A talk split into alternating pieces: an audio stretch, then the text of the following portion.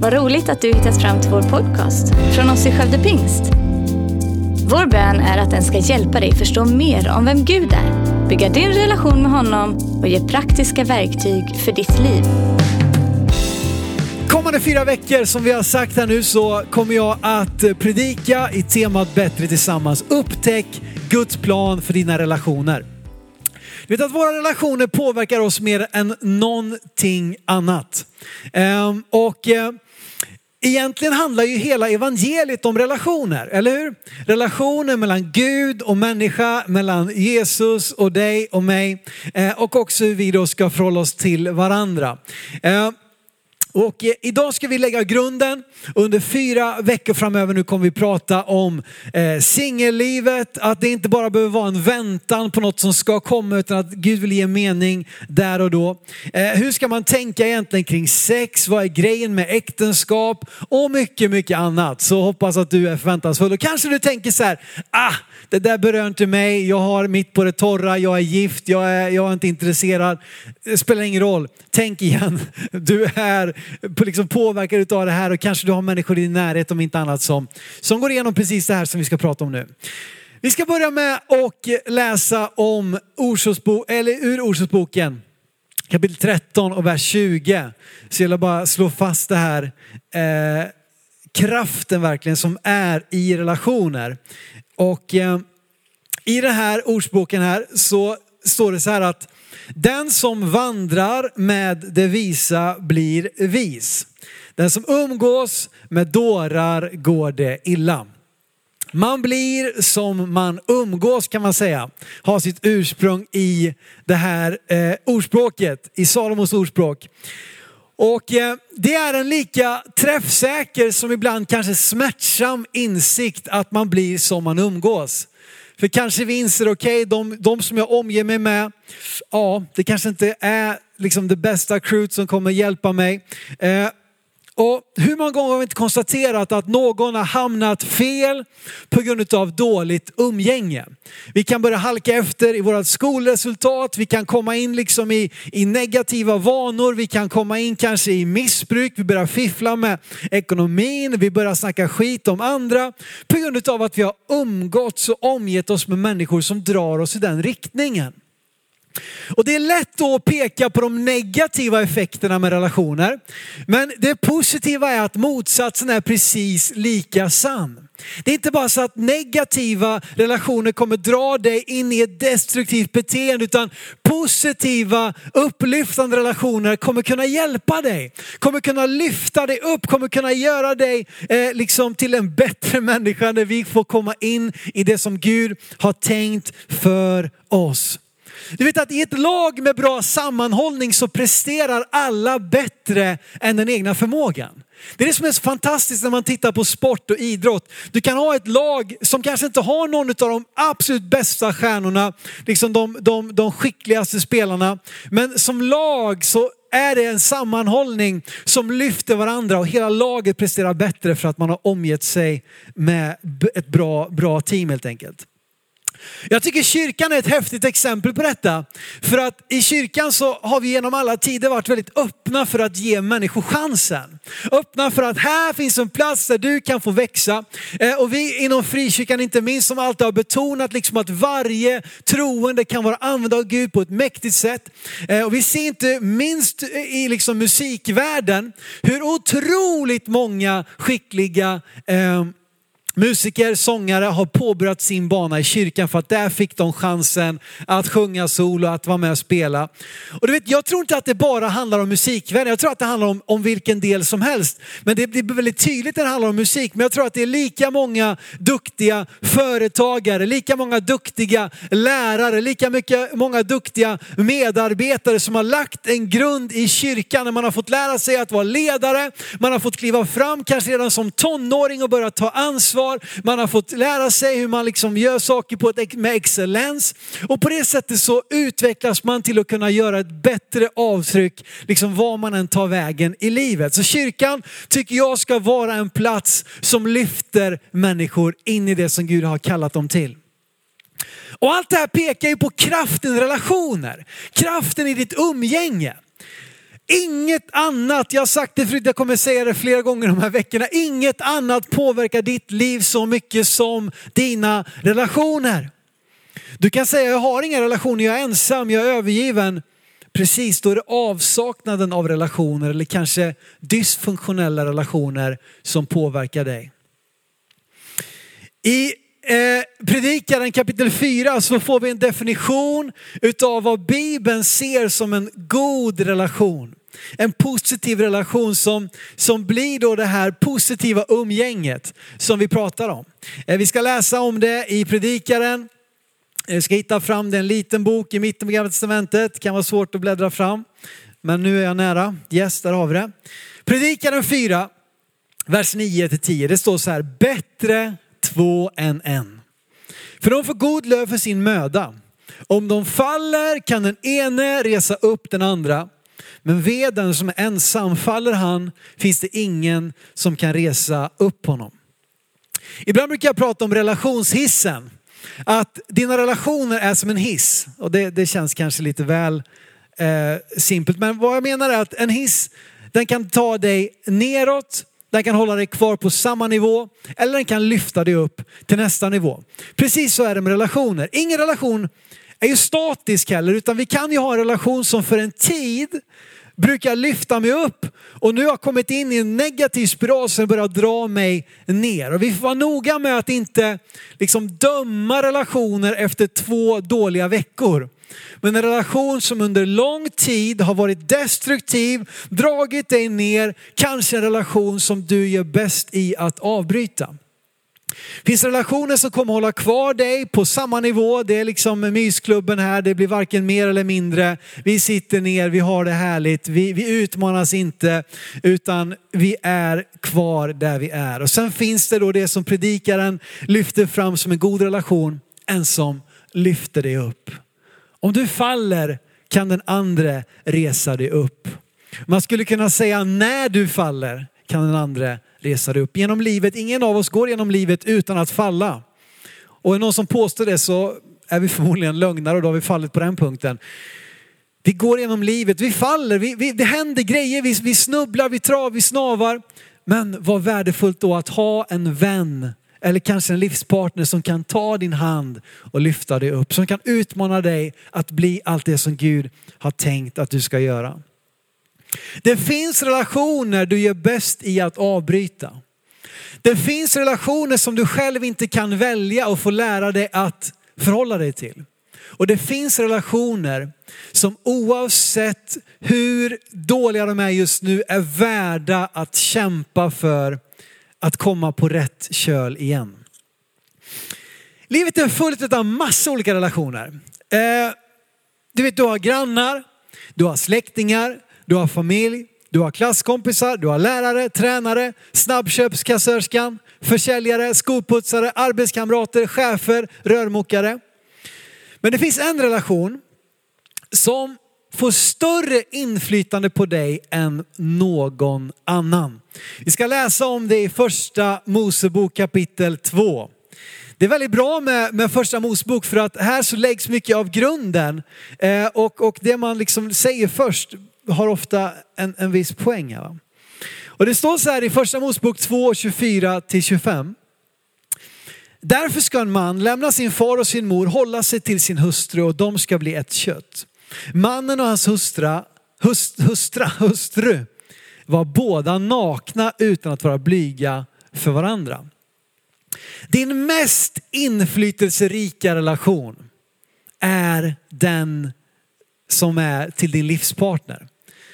Om inte annat så borde det vara din mest inflytelserika relation. Alla andra relationer har du runt omkring dig. Men det här är en relation som du blir ett med. Som du smälter samman med. Som du är menad att kunna vara naken inför utan att blygas. Och självklart naken rent fysiskt, men att kunna vara naken också med hur du känner. Öppna ditt hjärta, öppna dina tankar, kunna vara helt ärlig med vem du är, liksom hur du upplever saker och ting. Eh, och inga andra röster kommer påverka dig lika mycket och som sagt återigen, eller borde inte göra det, än relationen till din livspartner. Ingen annan relation kommer kosta så mycket som den. Både ekonomiskt och praktiskt. Så du säger, ja men barn kostar väl mer. Hur många har köpt ett hus tillsammans med sina barn? Inte särskilt många. Och du vet när barnen till slut, tro det eller ej, blir 18, 20 och flyttar ut eller 30 som Jesus, jag vet inte. Vi hoppas att, att de flyttar lite tidigare. Men du vet, då är poängen att livspartnern ska vara kvar. Och det, så jag, jag, jag, vill, jag, vill, jag vill göra ett case för att det är den mest kostsamma relationen. En relation som sagt där du kan vara naken utan att blygas. Så vad blir väl viktigare än att förbereda oss så väl vi kan för att ge just denna relation bästa tänkbara förutsättningar att bli en hälsosam, upplyftande relation. Med tanke på hur mycket det kommer påverka dig så borde det vara rimligt att vi faktiskt går in i den förberedda. Jag tror att vi alla har varit och köpt möbler på Ikea någon gång. Ja, det, det, är ju, det är ju snyggt för det allra mesta och så framförallt priset sen. Alltså det, det är perfekt. Det är någonting med att sätta ihop möbler från Ikea som, som får oss att verkligen lära känna en annan människa. Visst är det så?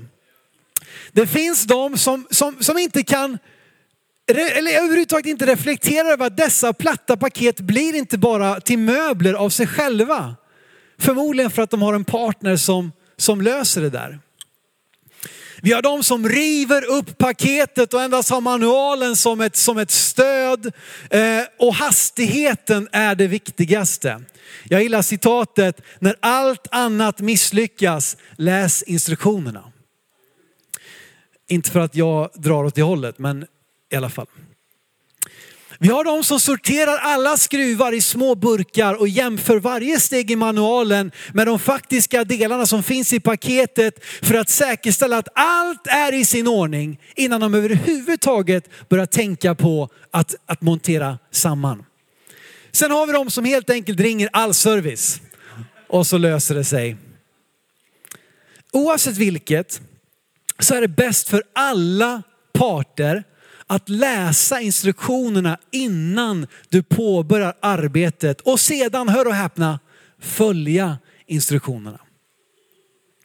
Från tillverkaren, inte bara från vem som helst. Det är en slående logik. Alltså, jag, jag, måste ta dig med på det här för det här är liksom en, en, en, en ögonöppnare. Om din bil kraschar, då går du till bilverkstan, verkstan, bilverkstan, biltillverkaren. Rimligtvis dessutom till en bilverkstad som du vet är auktoriserad för att handskas med just din bilmodell. Så att de inte gör liksom någon fake lösning eller inte har rätt, rätt instrument för att ta hand om den. Har du problem med glasögonen, vem går du till då? Du går till optiken. Har du strul med telefonen, ja du fattar grejen. Vi vänder oss till tillverkaren, vi vänder oss till instruktionerna för att veta hur någonting som är trasigt ska kunna lagas eller hur någonting som ännu inte är ska kunna fungera så som det är tänkt. Gör vi inte det så riskerar vi att skada produkten, vi riskerar att göra fel på ett sätt som gör att vi får, det kommer kosta oss långt mycket mer senare för att vi inte gjorde jobbet av att läsa instruktionerna först. Så hur blir det då när det kommer till våra relationer. När det kommer till vår sexualitet. Vem ska vi vända oss till då? Vem vänder jag mig till när det kommer till det som har med mitt innersta att göra? Det som, det som finns här inne. Det här som det helt klart blir luddigare. Helt plötsligt så hämtar vi lärdomar och låter våra referensramar ritas upp av dokusåpor, influencers, pornografi. Vet du vad? Bara för att du tittat på Bonde söker fru så betyder inte det att du vet allt du behöver veta om relationer. Va? Är det sant? Ja, det är sant.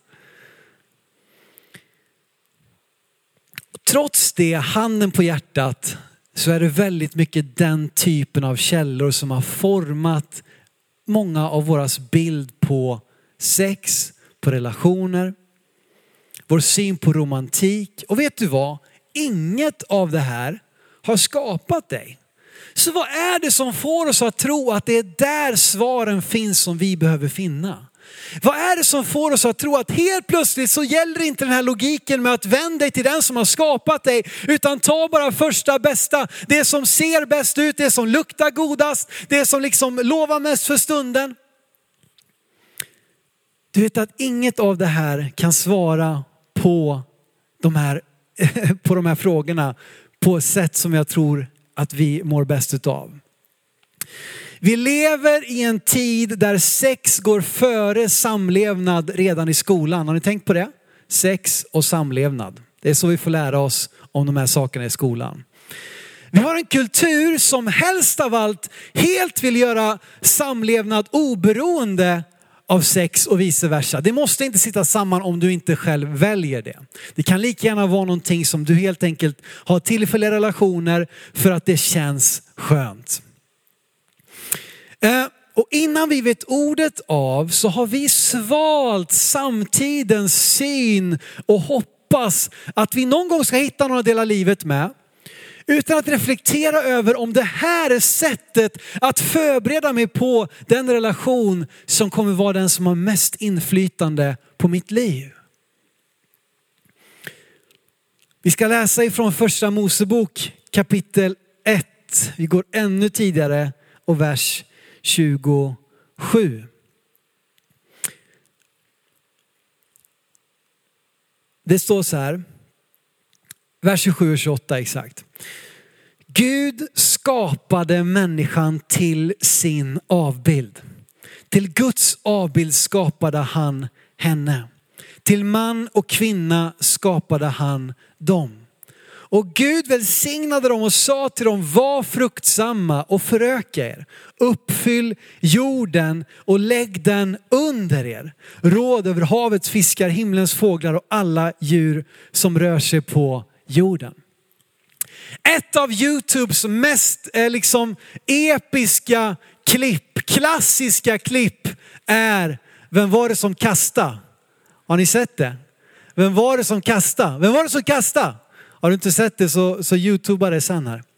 I ett friluftsområde så kastas en frisbee som träffar och landar rakt i huvudet på en riktig liksom, sån här kille som är helt vitklädd från topp till tå. Och han, han säger de numera bevingade orden, vem var det som kastade? Vem var det som kastade? Och varför pratar de om det när vi läser första Mosebok 1? Jo, det sätter fingret på en grundläggande princip. Vad är orsaken till det som nu händer?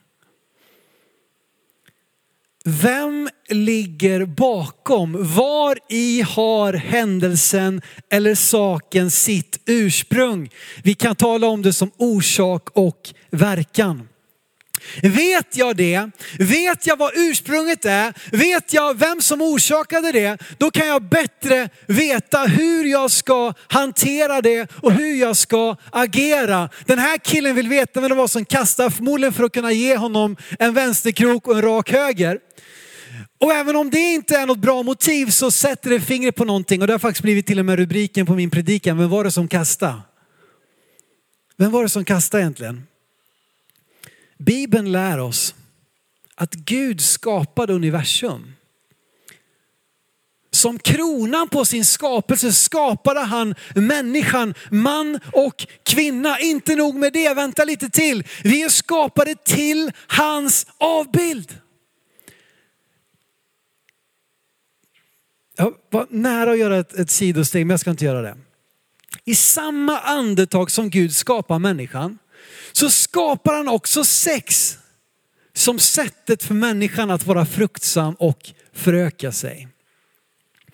Gud själv, han som har, det är han som är tillverkaren. Det är han som vet hur du fungerar. Det är han som kan laga dig när du har gått sönder. Det är han som vill vägleda dig så att du kan sätta ihop paketet i rätt ordning.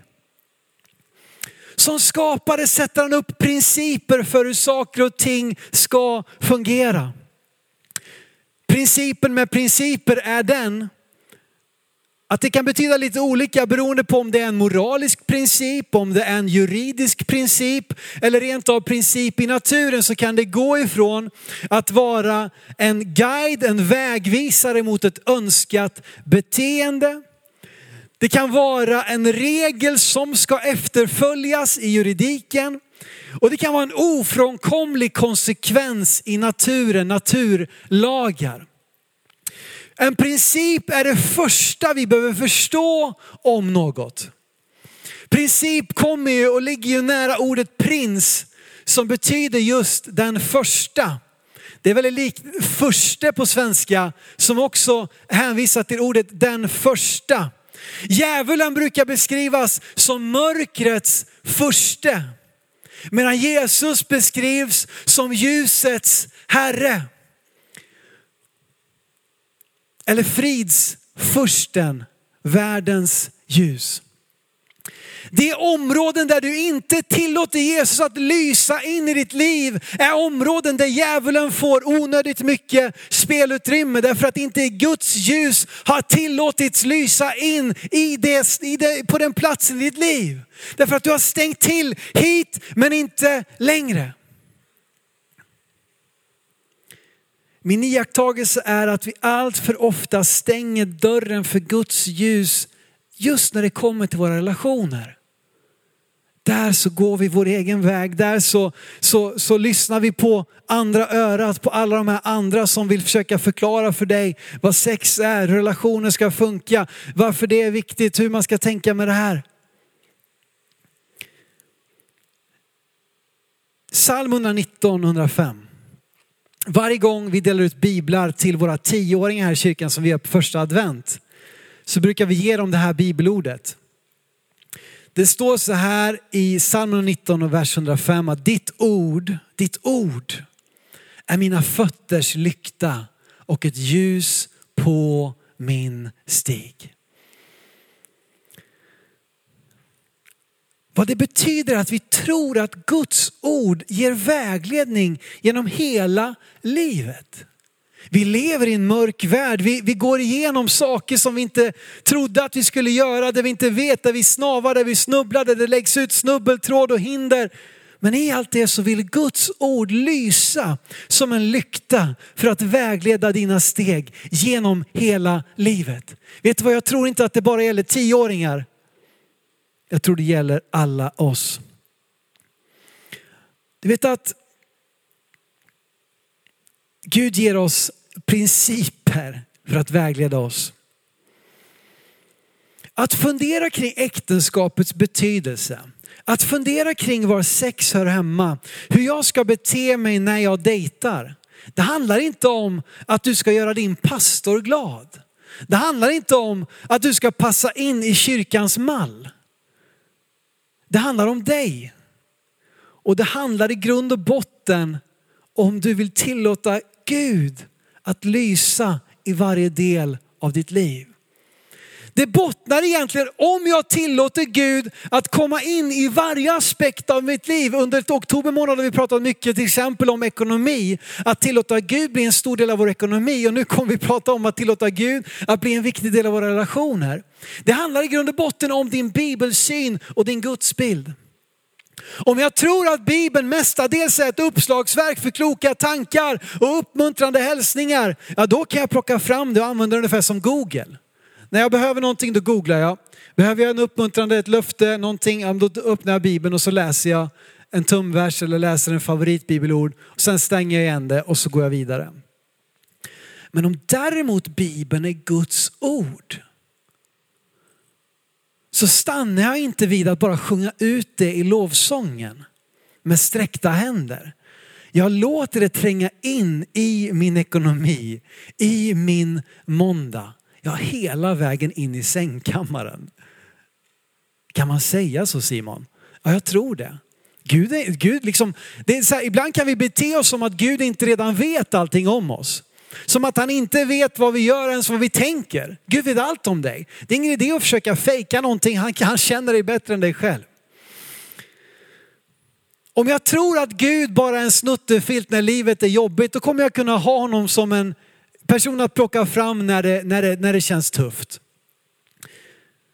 Men om jag tror att han är universums skapare, min personliga frälsare, då kommer jag vilja ära honom med hela mitt liv. Bekännelsen av Jesus Kristus som hörnsten, som frälsare, som den trofaste. Det måste kunna få konsekvenser också i att sätta avtryck i hela vår tillvaro. Om han är allt det som vi sjunger, allt det som vi predikar, allt det som vi proklamerar, ja då borde rimligtvis han få större utrymme i hela våra liv. Allt för många av oss nöjer oss med kunskap och förståelse men stannar när det kommer till lydnad. Jag säger det igen för det är så otroligt bra, det bär på så mycket sanning och det utmanar mig. Alltså jag, jag predikar till mig själv de här veckorna, det ska du veta. Allt för många av oss nöjer oss med kunskap och förståelse men stannar när det kommer till lydnad. Jag inser att kyrkan har varit allt för tyst, allt för länge och tillåtit andra att sätta agendan till när det kommer till dessa frågor. Antingen har vi inte sagt någonting alls eller så har vi stannat vid att hej, vänta med sex i äktenskapet och inte sagt något mer. Vet du vad, det räcker inte för att hjälpa en, liksom, en, en, en sökande, kärlekstörstande, inte sällan ung människa och bara lämna dem åt sitt eget öde. Nej, vi behöver göra ett bättre jobb och jag är den första att bekänna att vi som kyrka har gjort ett alldeles för dåligt jobb att ge dig och mig redskap att kunna även lämna över våra relationer och hela våra liv till Gud. Det handlar inte bara om att gå till kyrkan på söndagar, att tjäna i team, att ge tionde. Nej, Gud vill påverka hela ditt liv.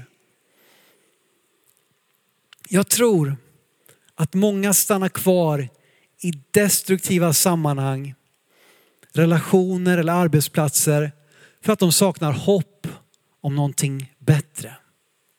Det som är nu, det suger helt ärligt. Men jag har det i alla fall. Och så länge vi inte kan se något annat framför oss så håller vi krampaktigt fast vid det som nu är. Unga tjejer som ger efter för killars krav för att de tror att det är enda sättet att bli omtyckta. Killar som ibland kallar sig män jagar troféer för att det verkar vara det alla andra gör. Jag tycker att det är hög tid att ändra på det här. Vi måste ge varandra en bättre chans. Och vet du vad, vi måste ge varandra hopp om en bättre framtid. Jeremia 29 vers 11 till 13. En av Bibelns mest älskade versar. Så fullt av hopp, så fullt av tröst. Och så rätt in också när det kommer till det här områdena av våra liv. Det står så här. Jag vet vilka tankar jag har för er, säger Herren nämligen fridens tankar och inte ofärdens för att ge er en framtid och ett hopp. Ni ska kalla på mig och komma och be till mig och jag ska höra er. Ni ska söka mig och ni ska också finna mig om ni söker mig av hela ert hjärta. Vet du vad? Gud vet vilka tankar han har för dig. Gud vet det.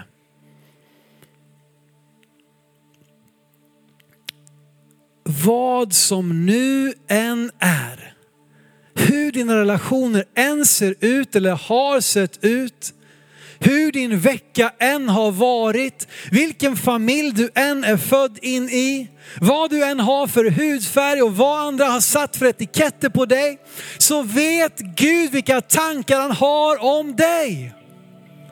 Det är tankar om hopp. Det är tankar om en ljus framtid. Vet du vem som är garanten för detta hopp? Det är Gud själv. Det är han som är garantin för det hopp som han vill ge. Men du vet, om jag vill uppleva den framtid som Gud har för mig, då kan jag inte nöja mig med att endast tala ut löftet om jag inte också är villig att låta Gud leda mina steg från denna stund och framöver om det är Guds hopp jag vill ha, om det är Guds framtid jag vill gå in i, då måste jag tillåta honom att leda mina steg från denna dag. Ett steg i taget. Vet du vad, inget hopp uppnått genom ett tusen liv. Det handlar om att ta ett steg varje dag, ett steg till, två steg bak, tre steg fram. Ge inte upp, tillåt Gud att leda dina steg där du är. Det är ställt bortom allt tvivel att Gud vill det bästa för dig. Men det innebär inte att du kommer få uppleva det oavsett vilka val du gör i livet. Gud har välsignat oss med fri vilja. Tack gode Gud för det. Men vi har inte fått möjligheten att välja vilka konsekvenser våra val får. Den fria viljan innebär inte frihet att bestämma vilka konsekvenser våra val kommer få. Han vill vägleda dig in i en ljus, hoppfull framtid om, om du tillåter honom. Jag kan inte gå till gymmet och säga jag vill ha hjälp att uppnå ett visst mål och sen strunta i, jag, jag vill komma till målet. Jag vill ha en, vad vet jag, jag vill, jag vill liksom kunna springa en mil eller jag vill kunna lyfta 100 kilo bänkpress. Jag vet inte vad ditt mål är. Jag kan inte bara gå och peka på målet om jag inte är beredd att committa till steget, processen för att komma dit. Det ramar som Gud har satt upp, de principer han har satt upp, det är inte för att slå ner på dig om det är så att du verkar ha gjort fel. Det är inte för att säga att du är en kass människa om du har gått en annan väg. Det är för att skapa ramar, för att skapa principer, för att vägleda dig in i det som han har tänkt. För att du behöver skydda ditt hjärta, du behöver skydda din sexualitet, du behöver skydda dig själv och tillåta Gud att leda dig in i de relationer och den framtid som han har tänkt. Om du vill att det ska få den effekt och det väg som Gud har tänkt så kan du inte nöja dig med att bara få ett slipp ut ur helvetet kort. Nöj dig inte med att bara få tag om livet efter döden. Få tag också om livet före döden. Johannes 11, vers 25. Vi ska sluta med detta. Säger Jesus någonting som är så fantastiskt. Han säger, jag är uppståndelsen och livet. Den som tror på mig ska leva om man än dör. Tack för att du lyssnat. Dela gärna podden med dina vänner och glöm inte att prenumerera så du inte missar nästa predikan. Om du har några frågor eller vill att vi ska be eller tacka för något tillsammans med dig så får du gärna höra av dig till kyrkan För oss är veckans höjdpunkt söndagens gudstjänst och det vore så kul att träffa dig där. Våra team finns då redo att ta emot dig och det finns även egna samlingar för barnen. Du hittar mer information om oss, vilka vi är och våra olika mötesplatser på skövdepingst.se.